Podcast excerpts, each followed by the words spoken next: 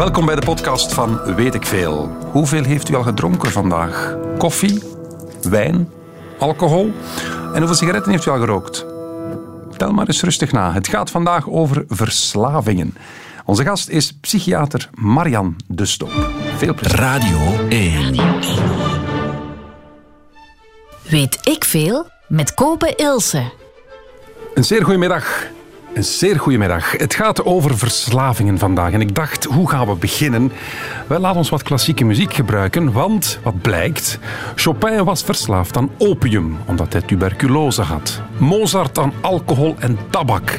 Stravinsky en Schumann aan drugs. En Beethoven aan de drank. Hopla.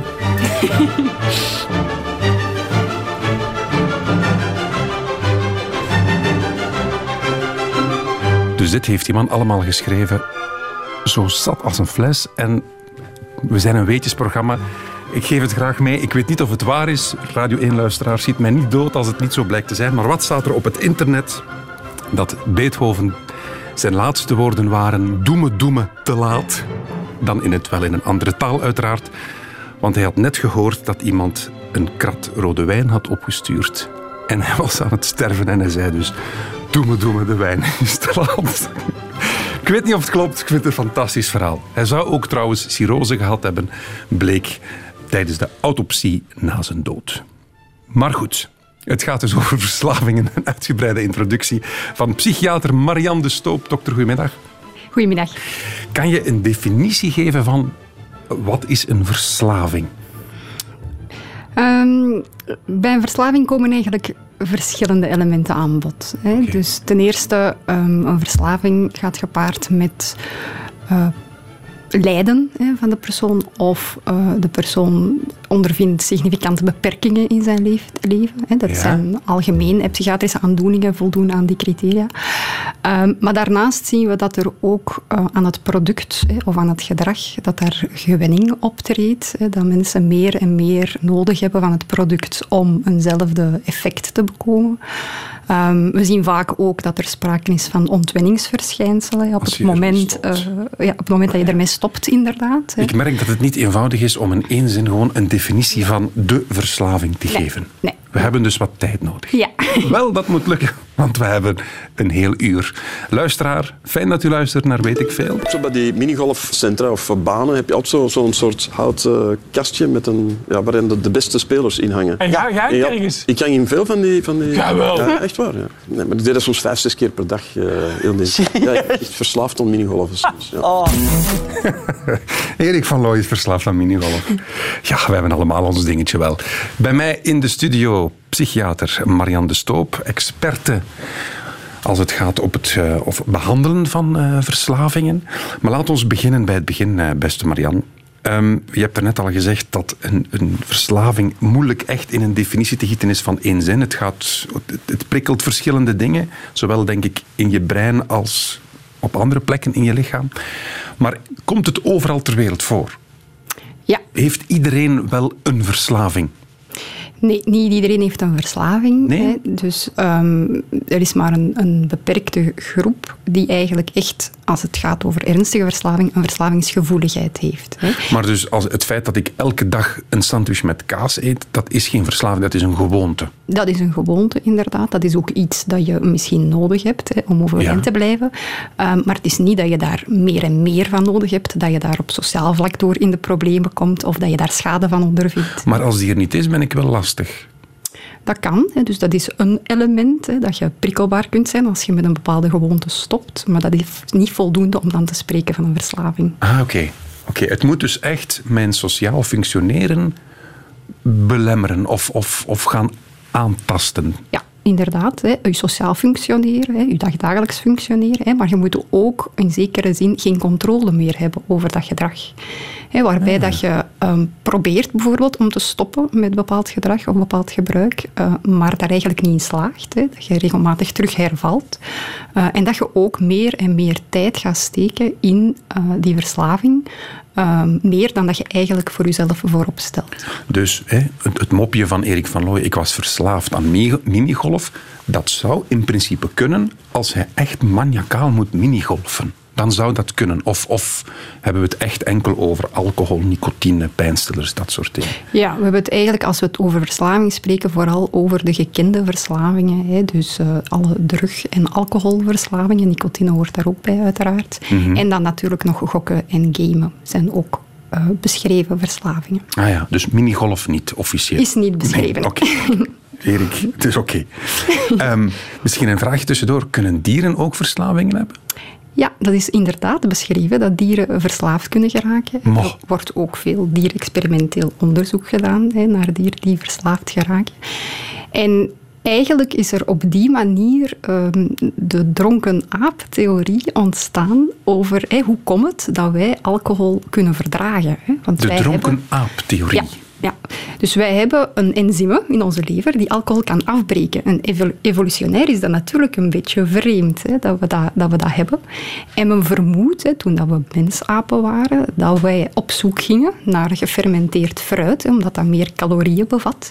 En dat we dus evolutionair een, dat enzym hebben ontwikkeld om die alcohol te kunnen afbreken in onze lever. En we zien dus nu ook, hè, er is een, een, experiment geweest hè, van chimpansees, denk in Guinea, die dus ook op zoek gingen naar palmwijn en dus dronken geraakten en zich dronken beginnen, begonnen te verslaven. Maar wacht, die, die, dus in, de alcohol komt in de natuur voor. Ik neem Ja. aan, een uh, fruit dat aan het rotten is, Ja. zoiets, dat, dat zal een soort fermentatie hebben waardoor er alcohol vrij... En apen gaan echt op zoek naar alcohol. Ja, sommige van die apen dus, die geraken ook verslaafd aan alcohol. Maar enfin, en, en waggelen die ook? Hebben die katers? Hoe kan je dat, hoe, kan je dat bestuderen, zoiets? Ja, Want je kan er niet mee praten. Je kan niet aan die, aan die beesten vragen, ja, heb je het echt nodig? Nee, maar dus eh, wetenschappers hè, die zich bezighouden met het gedrag van dieren, die hebben gezien dat een, een deel van die groep chimpansees keer op keer terugging naar die alcohol en meer en meer eh, ging gebruiken van die alcohol. En niet meer zonder konden. Oké, kleine geschiedenisles.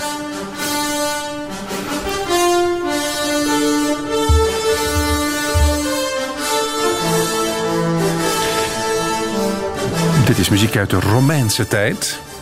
Is het van alle tijden? Waren de Romeinen, de Grieken, waren die er ook al mee bezig? Ja, volgens wat we kunnen afleiden uit alle geschriften is alcohol en ook andere drugs, hè, ook opium en dergelijke, ehm, altijd al aanwezig geweest. Al opium en zo, dus niet alleen wijn, maar ook echt drugs of Drugs medicatie. Ja, ja, cannabis is ook al lang bestaand. Dus dat wordt al beschreven Vroeg. honderden jaren geleden. Ja. En werd dat toen ook als een probleem aanzien? Of was dat eerder van, ja, het hoort erbij bij het leven? Want nu, verslavingen heeft nu een negatieve bijklank, omdat je inderdaad in een maatschappij zit waarin je moet presteren. Als dat niet meer gaat door alcohol, dan heb je een probleem. Ik neem aan, vroeger was dat gelijkaardig. Ja, ik ben nu niet zo op de hoogte van die geschiedkundige geschriften, hè, maar of dat, dat echt als probleem werd gezien, daar moet ik het antwoord schuldig blijven. maar het gebruik is alleszins van alle tijden. Oké, terug naar vandaag. Wij zijn heel vatbaar, denk ik dan, de mens. Klopt dat? Want als je ziet hoeveel er prijs hebben, ja, dan is dat een groot percentage van de totale bevolking heeft wel een bepaalde verslaving. Dus zijn wij als menselijke soort zeer vatbaar voor verslaving. Of is dat een, een, een kromme redenering? Eigenlijk valt dat mee als je de cijfers erop nahoudt. Hè. Dus om, we zien dat 80 à 90 procent van de mensen in staat is om iets te gebruiken, om iets te drinken, om iets van cannabis te gebruiken, zonder te evolueren naar een verslaving. Het is eigenlijk maar een groep van 10 à 15 procent van de bevolking die dat niet kan en die dus een ernstige verslaving ontwikkelt. Maar ja, 10 à 15 procent van 11 miljard mensen, dat Tuurlijk. is veel volk. Hè? Tuurlijk, dat is veel. Hè? Maar als je het kijkt op de globale bevolking, dan is er dus een heel groot deel in staat om op een verantwoorde manier eh, te gebruiken.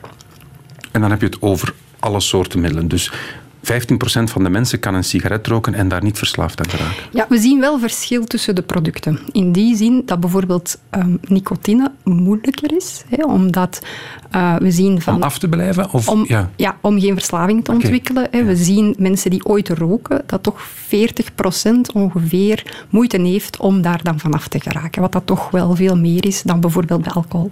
Ja, ja, ja. Dus er zitten verschillen in de producten, maar uiteraard is niet enkel het product dat maakt dat je verslaafd geraakt. Het zijn ook de menseigenschappen en de sociale context waarin je je begeeft die mee een verslaving kunnen uh, uitlokken. Dus 15 à 20 procent van de mensen, of 10 à, hoeveel? 10 à 15. 10 à 15, sorry. Ja. 10 à 15 procent van de mensen is verslavingsgevoelig, noemen we dat dan zo? Ja. Of heeft neiging tot verslaving, of is verslaafd? Is ooit verslaafd is in ooit zijn verslaafd. leven. Oké. Okay. Laten we zeggen dat er op dit moment 3 à 400.000 mensen luisteren naar dit programma. Dat is veel volk. 15 procent daarvan, ja, ja, dat is, als ik snel kan tellen, 60, dat zijn 60.000. Reken ik nu goed? Gedeeld door 7. Zoiets, hè? Ja. Dat is, dat is gigantisch. Hè? Ik ga graag, of je verslaafd bent aan de drank, zeg je dat? Je hebt vorige week nog tegen hem gezegd. Ik zeg nee, ik ben niet verslaafd aan de drank. Ik heb het wel nodig. Versta je mij, Paul? Wat is het verschil? Uh, bah. Wat is het verschil? Het is van mijn 16 jaar en ik ben 56. Dus ik heb graag een druppeltje. Pijnlijke reportage van Paul Jambers. In der tijd zat er René die uh, zelfs in beeld zijn moeder fysiek aanvalt.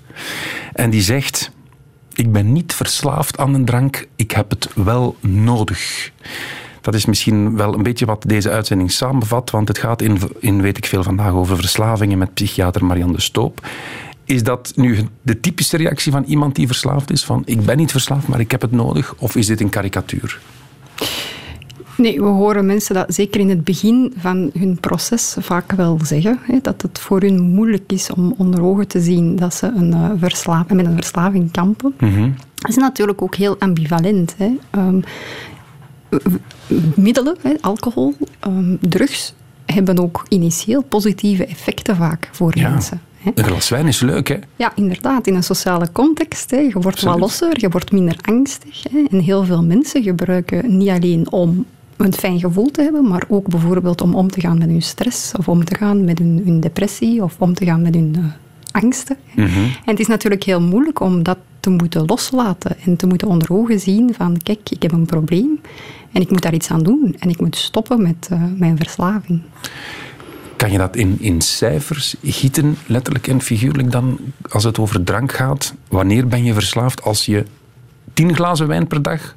Of, of kan je dat moeilijk concreet maken? Hangt dat van persoon tot persoon af? Ja, het gaat dus in eerste plaats over de processen, hè, die, die ik in het begin zo kort heb aangehaald, hè, waar het over gaat. Um, maar het advies is wel van uh, maximum 10 glazen per week te drinken. Hè. Dus, dan ben ik verslaafd. Hè? En als het meer is dan 10, dan moet je toch vragen stellen bij je gebruik. Dus dan, dan zou het goed zijn dat ik verslaafd ben. Want zeker in de zomer, als het mooi weer is, zet ik mij graag op een terras en drink ik wel, wel graag één of twee glazen wijn. Als het een barbecue bij vrienden is, komt daar nog wel wat bij. Mm -hmm, mm -hmm. Ja. Dus dat moet je inderdaad bekijken. Hè, van, van kan ik nog zonder? Um, heb ik niet meer en meer nodig? Functioneer ik nog wel voldoende Mhm. uh, uh, met, allee, zo, met die alcohol? Um, heb ik voldoende controle? Kan ik uh, mij houden aan mijn vooropgestelde hoeveelheden? Dat zijn allemaal elementen. Heb ik zucht naar alcohol? Is ook een uh, element dat een rol speelt in het proces. -hmm. Dus uh, er komen wel wat, excuseer mij, er komen wel wat uh, vragen binnen. Interessante dingen. Ik ga ze, ik ga ze even aan u voorleggen. Um, bijvoorbeeld Amina Bell. Kan aanleg voor verslaving genetisch doorgegeven worden? Ja, dus we zien bepaalde families waar dat verslaving meer voorkomt. En we weten ook dat er een aantal genen zijn die gelinkt worden aan verslavingsgevoeligheid. Oké. Okay. En dan uh, Frank van Pachtebeke. Ik ben pijnpatiënt en ik heb al tweemaal moeten afkicken van morfinepleisters. Het is niet zo dat ik er psychisch afhankelijk van ben of was. Het was wel zo dat mijn lichaam protesteerde en ik met heftige ontwenningsverschijnselen, het zogenaamde cold turkey, te maken kreeg. Kan je dan ook spreken van een verslaving? Als het niet psychisch is, maar echt wel fysiek, dat je lichaam het, het vraagt. Ja, dus er zijn verschillende elementen. Je hebt de lichamelijke afhankelijkheid, maar je hebt inderdaad ook de psychische afhankelijkheid en dan heb je het stuk van controleverlies. Hè. En die elementen zijn doorgaans allemaal aanwezig bij eh, ernstige verslaving.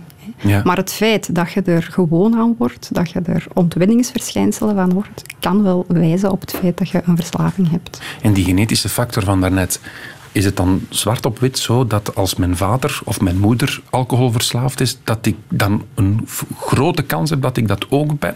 dan is uw kans groter. Hè. Maar ja, nogmaals, zoals alle verschillende ziekten, is dat natuurlijk multifactorieel. Hè. We weten bijvoorbeeld dat mensen in armoede ook een, een groter risico hebben op het ontwikkelen van verslaving. Is dat hè. zo? Hoe komt dat? Omdat zij een zwakkere sociale economische status hebben, waardoor dat zij minder beschermende factoren hebben rond zich. hè. Ehm, er zijn nog andere factoren. Hè. Er zijn bepaalde persoonlijkheidskenmerken die kunnen maken dat je meer vatbaar bent voor, sla- voor verslaving. Hè. Als je iemand zij die eerder impulsief is, eh, of, of iemand zij die nood heeft aan uitdagingen of aan prikkels, hè, dan zien we ook dat er meer risico is op verslaving. De adrenaline junkies, is dat dan ook een verslaving aan de kick? Of is dat, is dat niet te vergelijken met de verslaving aan alcohol of, of sigaretten?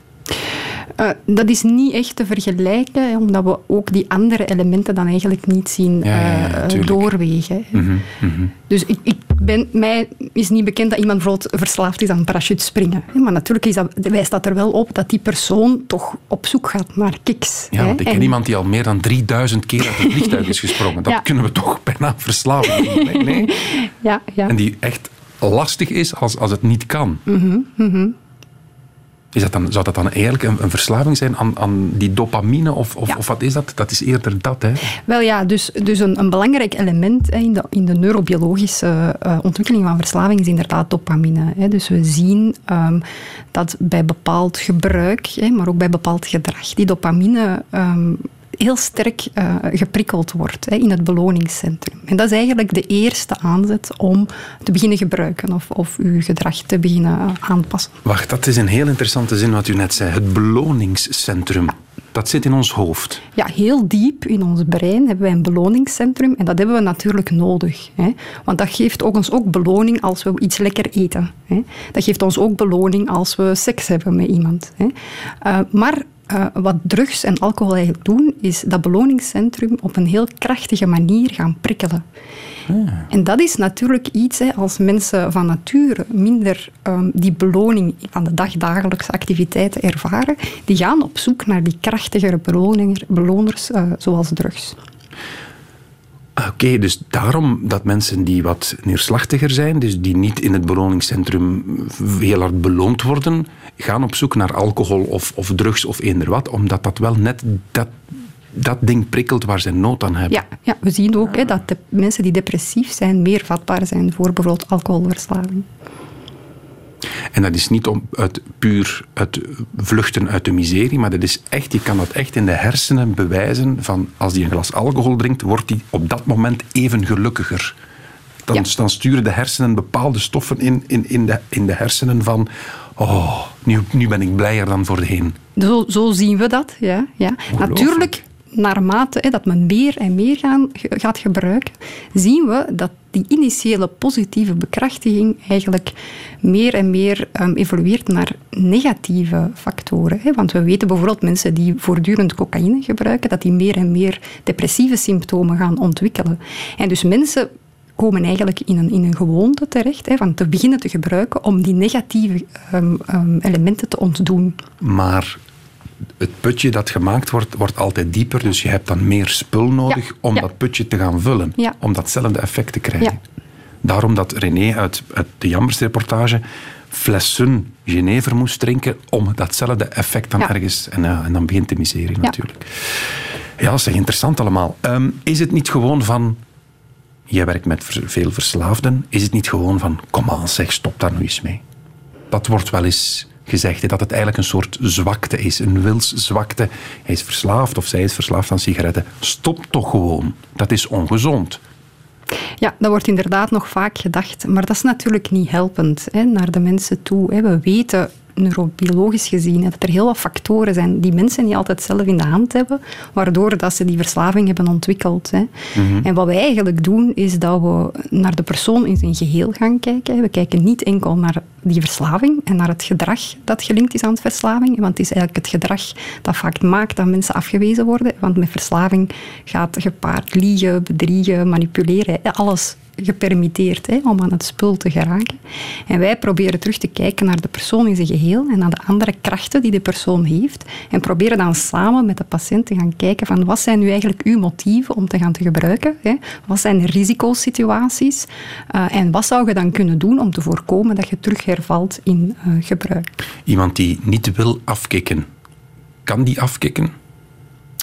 Dat kan, maar dat is een proces. Dus naast zo het um, gedragstherapeutische doen we ook heel veel aan motiverende gespreksvoering, waarbij mhm. dat we samen met de patiënt op zoek gaan naar motieven om zijn uh, gedrag uh, aan te passen.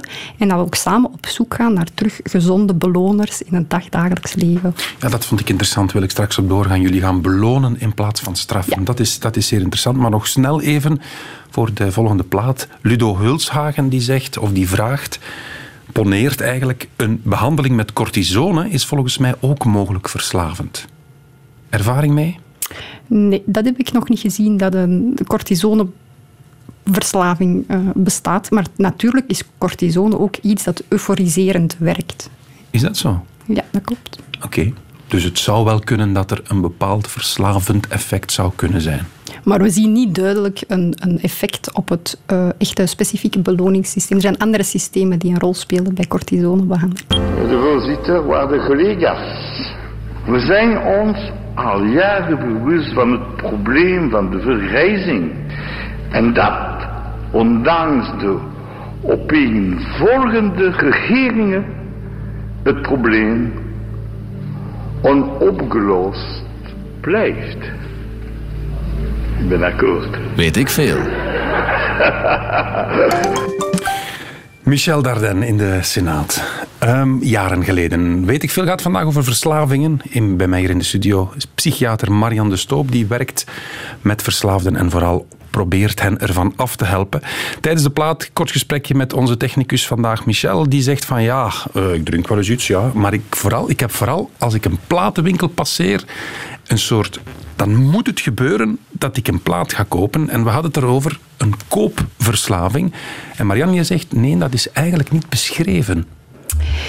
Nee, dus uh, koop, kopen gaat wel gepaard natuurlijk met um, impulsiviteit hè, gaat gepaard met misschien wat dwanggedachten. Eh, um, maar zo de typische dingen van um, ontwenningsverschijnselen, van meer en meer uh, te moeten komen, van op sociaal vlak in de problemen te komen. Uh, van... Maar meer en meer. Ik kijk naar Michel en zei dat hij heeft er al meer dan 3000. Hè. Dat is het probleem. Ja. dus, dus, maar een koopverslaving brengt je niet sociaal in de problemen. Nochtans, er zullen wel voorbeelden zijn van mensen die al hun geld opshoppen. Mm -hmm, Maar dat is eigenlijk wetenschappelijk gezien spreken we niet van een verslaving dan. Op dit moment niet. Hè. Okay. Natuurlijk, um, er zijn wel bepaalde evoluties. Hè. Zeker gezien het internet de laatste jaren, uh, zien we dat er bijvoorbeeld wel al uh, beschreven is dat uh, internetgaming wel een verslaving is. Ah, ja. um, maar natuurlijk, dat is een recent fenomeen en we moeten dat opvolgen, hè, of dat dat voldoet aan alle criteria. En dus blijkbaar het gamen voldoet wel aan de criteria voor verslaving en mensen komen ernstig in de problemen als ze overmatig gaan gamen. Mm -hmm. um, een paar concrete vragen.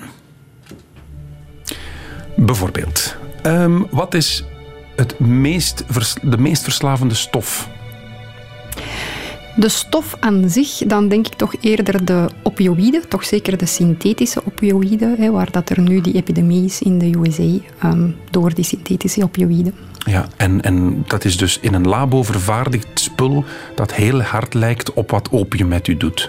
Um, veel sterker is. Hè. Ah, dus, nog sterker um, is. Fentanyl, hè, waar dan nu de crisis over gaat, is 100 tot 10.000 keer sterker dan heroïne. Amai. En, en dat wordt voorgeschreven?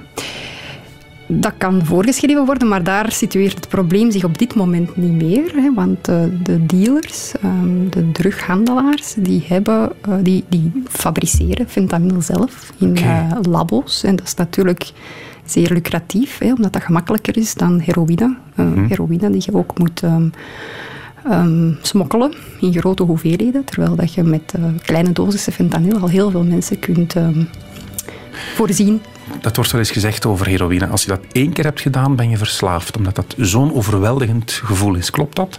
Heroïne is wel qua stof redelijk verslavend. Ja. En dan die, die fentanyl. Fentanyl. Ja. Fentanyl is 10.000 keer vers- verslavender nog. ja, zo wordt Of dat. het effect is nog Nee, 10.000 het effect, keer groter. ja.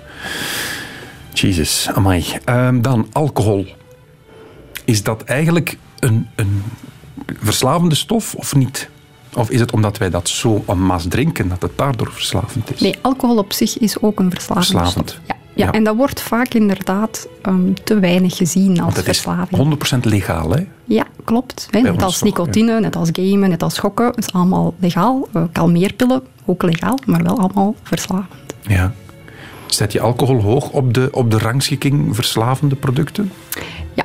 En zeker als het gaat over de schade die het aanricht eh, aan de mens en aan de maatschappij, scoort eigenlijk alcohol heel hoog. Hè. Men heeft een, een studie gedaan hè, waarbij dat men gaan kijken is van welke schade heeft het op de persoon, welke schade heeft het op de omgeving. Hè. Bij alcohol is dat dan vaak gaat het gepaard met geweld, met verkeersongevallen, met zelfmoord enzovoort.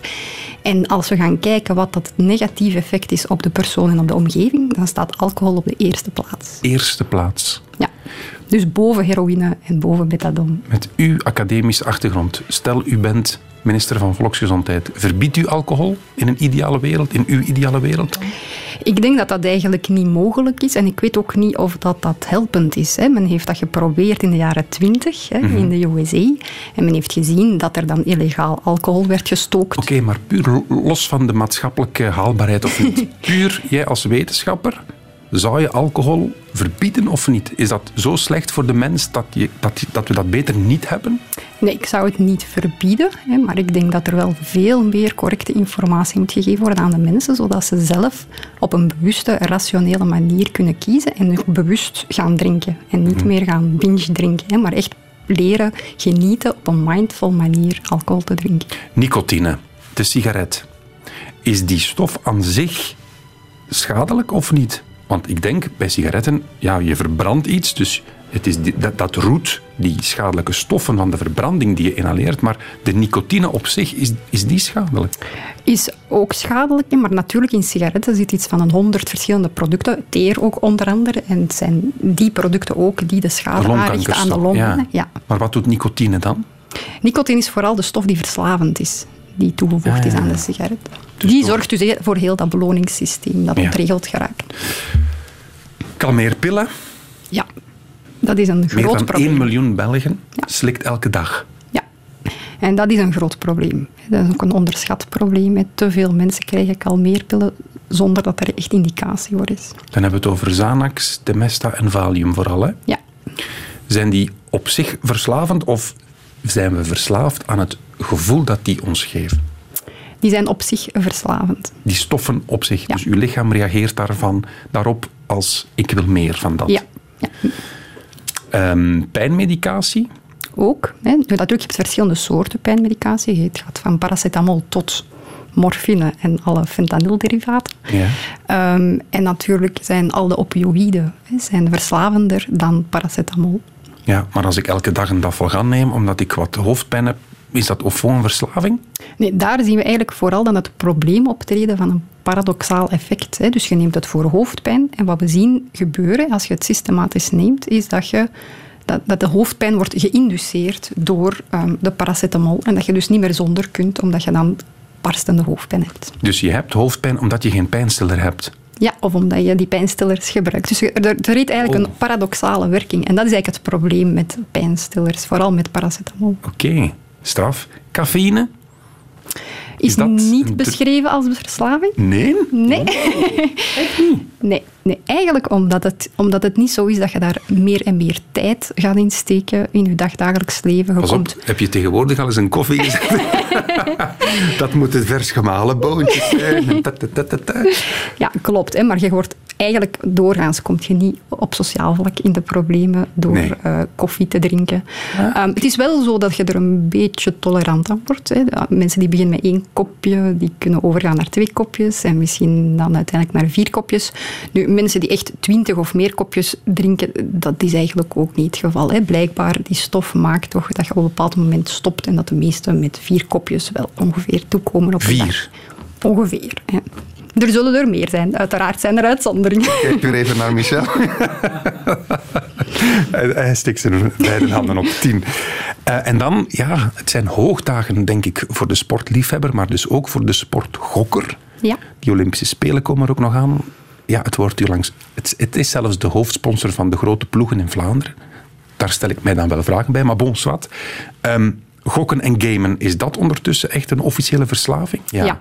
Ja, ja, en zeker ook eh, gokken. Hè. Dus gokken voldoet wel aan alle criteria. Hè. We zien dat mensen echt zwaar in de problemen komen door veelvuldig te gokken. Ze gaan meer en meer geld eh, inzetten. Ze gaan terug om hun verlies eh, goed te maken.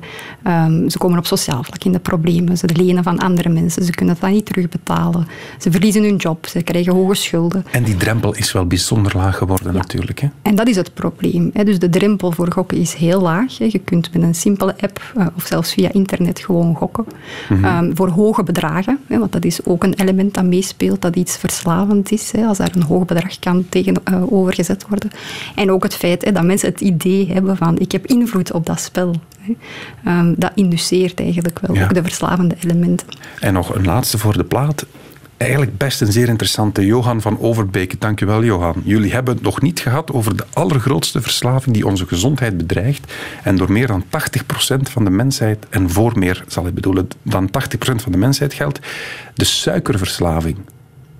Is niet beschreven, de Niet suikerverslaving. beschreven? Nee, nee. Dus, maar natuurlijk, daar ehm, zitten we eigenlijk rond de eetbuienstoornis. Hè, want dat gaat eigenlijk daarover dat mensen veelvuldig gaan eten, hè, over gaan eten, misschien zelfs gaan overgeven. En dus we zien daar wel elementen van ook weer die impulsiviteit en die dwang hè, die mensen kunnen eh, ervaren. Mhm. Maar we zien daar ook weer opnieuw niet al die sociale gevolgen eh, van het eh, Nochtans, als ik te veel suiker eet, word ik obese. Ja. Functioneer ik toch moeilijker. Toch moeilijker. Hè? Maar niet in die mate dat je job kwijtgeraakt, dat je gezin kwijtgeraakt, dat je in zware armoede terechtkomt, wat je bij de andere verslavingen doorgaans wel ziet. Dus we moeten niet, of we mogen niet spreken van een suikerverslaving, maar van een suikergewoonte. Eigenlijk de stoornis die er het dichtst bij aansluit, is de eetbuienstoornis, zoals ze nu beschreven is. Maar het is toch niet zo omdat alle Belgen elke dag hun koekje willen bij de koffie, dat die allemaal een eetstoornis hebben. Nee, dus er moet wel voldaan worden aan verschillende elementen. Het is ook niet zo, omdat je obese bent, dat je een eetbuienstoornis hebt. hè. Dat is vaak de verwarring die bestaat. hè. Er zijn ook magere mensen die toch een eetbuienstoornis hebben. hè. Die veelvuldig gaan eten en dan het vervolgens gaan uitbraken. Ja, dat is natuurlijk veel schadelijker dan iemand die een disbalans heeft tussen de calorieinname en de beweging dat hij doet. In de Verenigde Staten is een duizelingwekkende schikking getroffen tussen vier grote farmabedrijven en een hele reeks staten en steden om de sociale en economische schade van de drugcrisis te compenseren. Het gaat om een bedrag van 26 miljard dollar. Weet ik veel. In de VS is het voorschrijfgedrag voor pijnstillers lax. En ze heeft miljoenen Amerikanen verslaafd gemaakt aan die pijnstillers. Vorig jaar stierven in de Verenigde Staten 93.000 mensen aan de gevolgen van druggebruik. Ja, dit zat gisteravond nog in het nieuws. Hè. In Amerika die, eh, ja, een soort schadevergoeding van de farma-industrie, miljarden. Om, dus eigenlijk zeggen ze, ja, wij hebben de helft van Amerika verslaafd gemaakt aan onze producten. Daar komt het toch op neer, lijkt mij. Een soort schuldbekentenis, nee? Ze willen vooral voorkomen dat ze nog veel meer geld gaan moeten betalen aan schadeclaims van de processen die nu lopende zijn. Ja. Eh, want eigenlijk ontkennen ze dat ze echt een fundamentele rol hebben gespeeld in de opioïdecrisis. We kunnen erover bezig blijven, over verslavingen, maar we moeten toch ook wel, en de tijd is ons jammer genoeg beperkt, maar oplossingen. Jij begeleidt mensen die echt actief zeggen, we stoppen ermee. Ik heb, het, ik heb er genoeg van gehad. En het is er net al eens even aangeraakt geweest. Jullie belonen in plaats van te straffen. Vond ik een heel mooie techniek. Vertel eens. Ja, dus ehm, op de afdeling waar ik werk, uh, werken we met een systeem dat noemt contingency management. En daar krijgen eigenlijk mensen um, hebben een bokaal hè, met allerlei prijzen of um, geldbeloningen die ze kunnen verdienen. En telkens als zij een negatief uh, urine uh, staaltje afgeven. Dus als het betekent hè, dat zij clean gebleven zijn, dan mogen zij een beloning uit die pot trekken. Mag. En dat gaat van 2 euro tot 5 euro? Of, wel, dat varieert van 1 tot 100 euro, maar 100? de kans op 100 euro is wel maar 1 op 300. Hè, dus die kans is klein. Dat is wel weer in de kaart van de gokverslaafde.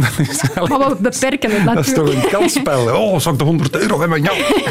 Klopt, hè, inderdaad. Hè. Dus ja. dat is inderdaad iets waar we rekening mee houden. Maar natuurlijk blijft het beperkt hè, tot enkel die bokaal, twee keer per week met duidelijke afspraken op voorhand. Ja. En is het niet zo dat ze constant toegang hebben tot die uh, bokaal. Is dat omdat je daarnet al gezegd hebt dat een, een verslaving een beloningscentrum in de hersenen toucheert, dat jullie ook nu met beloningen gaan werken? Is ja. dat eigenlijk hetzelfde? Ja, ja, dus we werken eigenlijk op hetzelfde systeem. En we zien dat het eigenlijk een gunstig effect heeft, dat mensen meer abstinent blijven en dat is ook minder uitvallen uit de, de behandeling.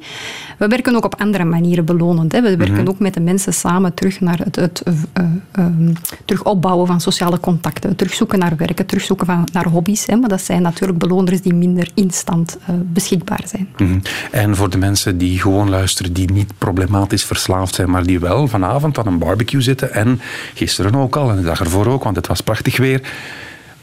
Kan je, kan je, kan je tips geven om te herkennen wanneer dat alcoholgebruik of eender wat, wanneer wordt dat problematisch? En vooral, wat kan je daar nu al aan doen? Eigenlijk is er een heel interessant boek dat de mensen kunnen lezen. En dat is van een, een, een briljante wetenschapper, David Nutt. En het boek heet Drankje in het Nederlands, of uh, Drink in het Engels.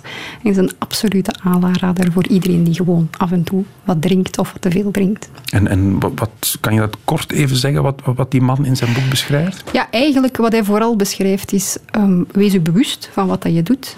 Uh, drink op een bewuste manier, op een mindful manier. Geniet gerust van je drankje, hè, maar weet wat dat het teweeg brengt in je lichaam. Mm -hmm. Hoe heet het boek? Mensen gaan het willen opschrijven, denk ik. Drankje van David Nutt. Drankje van David Nutt. Voilà, bij deze. Nog even één korte reactie van de luisteraar. Wouter van Zandijken, denk ik. De Xanax, de Xanax-verslaafde kan rustig zijn leven leiden. De heroïneverslaafde moet in de gevangenis. Zie hier de inconsistentie.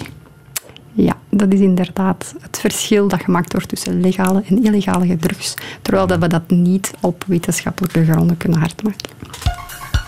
Weet ik veel. Heb ik goed geluisterd naar dokter Marian, psychiater, gespecialiseerd in de ontwennings- of in de verslavingsbehandeling. Maar ja. Wat is de dronken aap-theorie? De dronken aap-theorie is... Uh, ah ja, uh, dieren in het wild gaan op zoek naar alcohol. En dat verklaart waarom wij een enzym hebben dat die alcohol afbreekt, want wij hebben dat duizenden jaar geleden ook gedaan. Klopt dat? Klopt. Hopla, goed. Vanaf hoeveel glazen alcohol per week moet je je vragen stellen? Uh, ja, terecht. Stel ik mij vragen bij die 10 glazen per week. Ja, klopt. Hmm. Hoeveel procent van de bevolking is ooit verslaafd in zijn of haar leven? Tussen de 10 en de 15 procent, zei je, Marian. Helemaal perfect. Hey, top. Welk deel in onze hersenen wordt geprikkeld bij gebruik? De beloningszone. Beloningscentrum, juist. Belonings... Ik keur het goed? Ja, ja, ja, ik keur het Jongens, toch. Ik ben wel verslaafd aan binnen, hè. Dus, uh, en hoe heet de stof die tot 10.000 keer meer verslavend is dan heroïne? Oh, voel hem, ik voel hem al. Ik voel hem al, de rush van de overwinning. Fentanyl. Yes. Hopla. Vijf op vijf. Leuk toch een spelletje. Hou het gezond, toch. Um, Marian, zeer bedankt. Zeer interessant. Nut met drankje, zo heet het boek. Radio 1. Weet ik veel? Dit is het einde van deze podcast van Weet ik veel. Weet ik veel is trouwens een programma van Radio 1.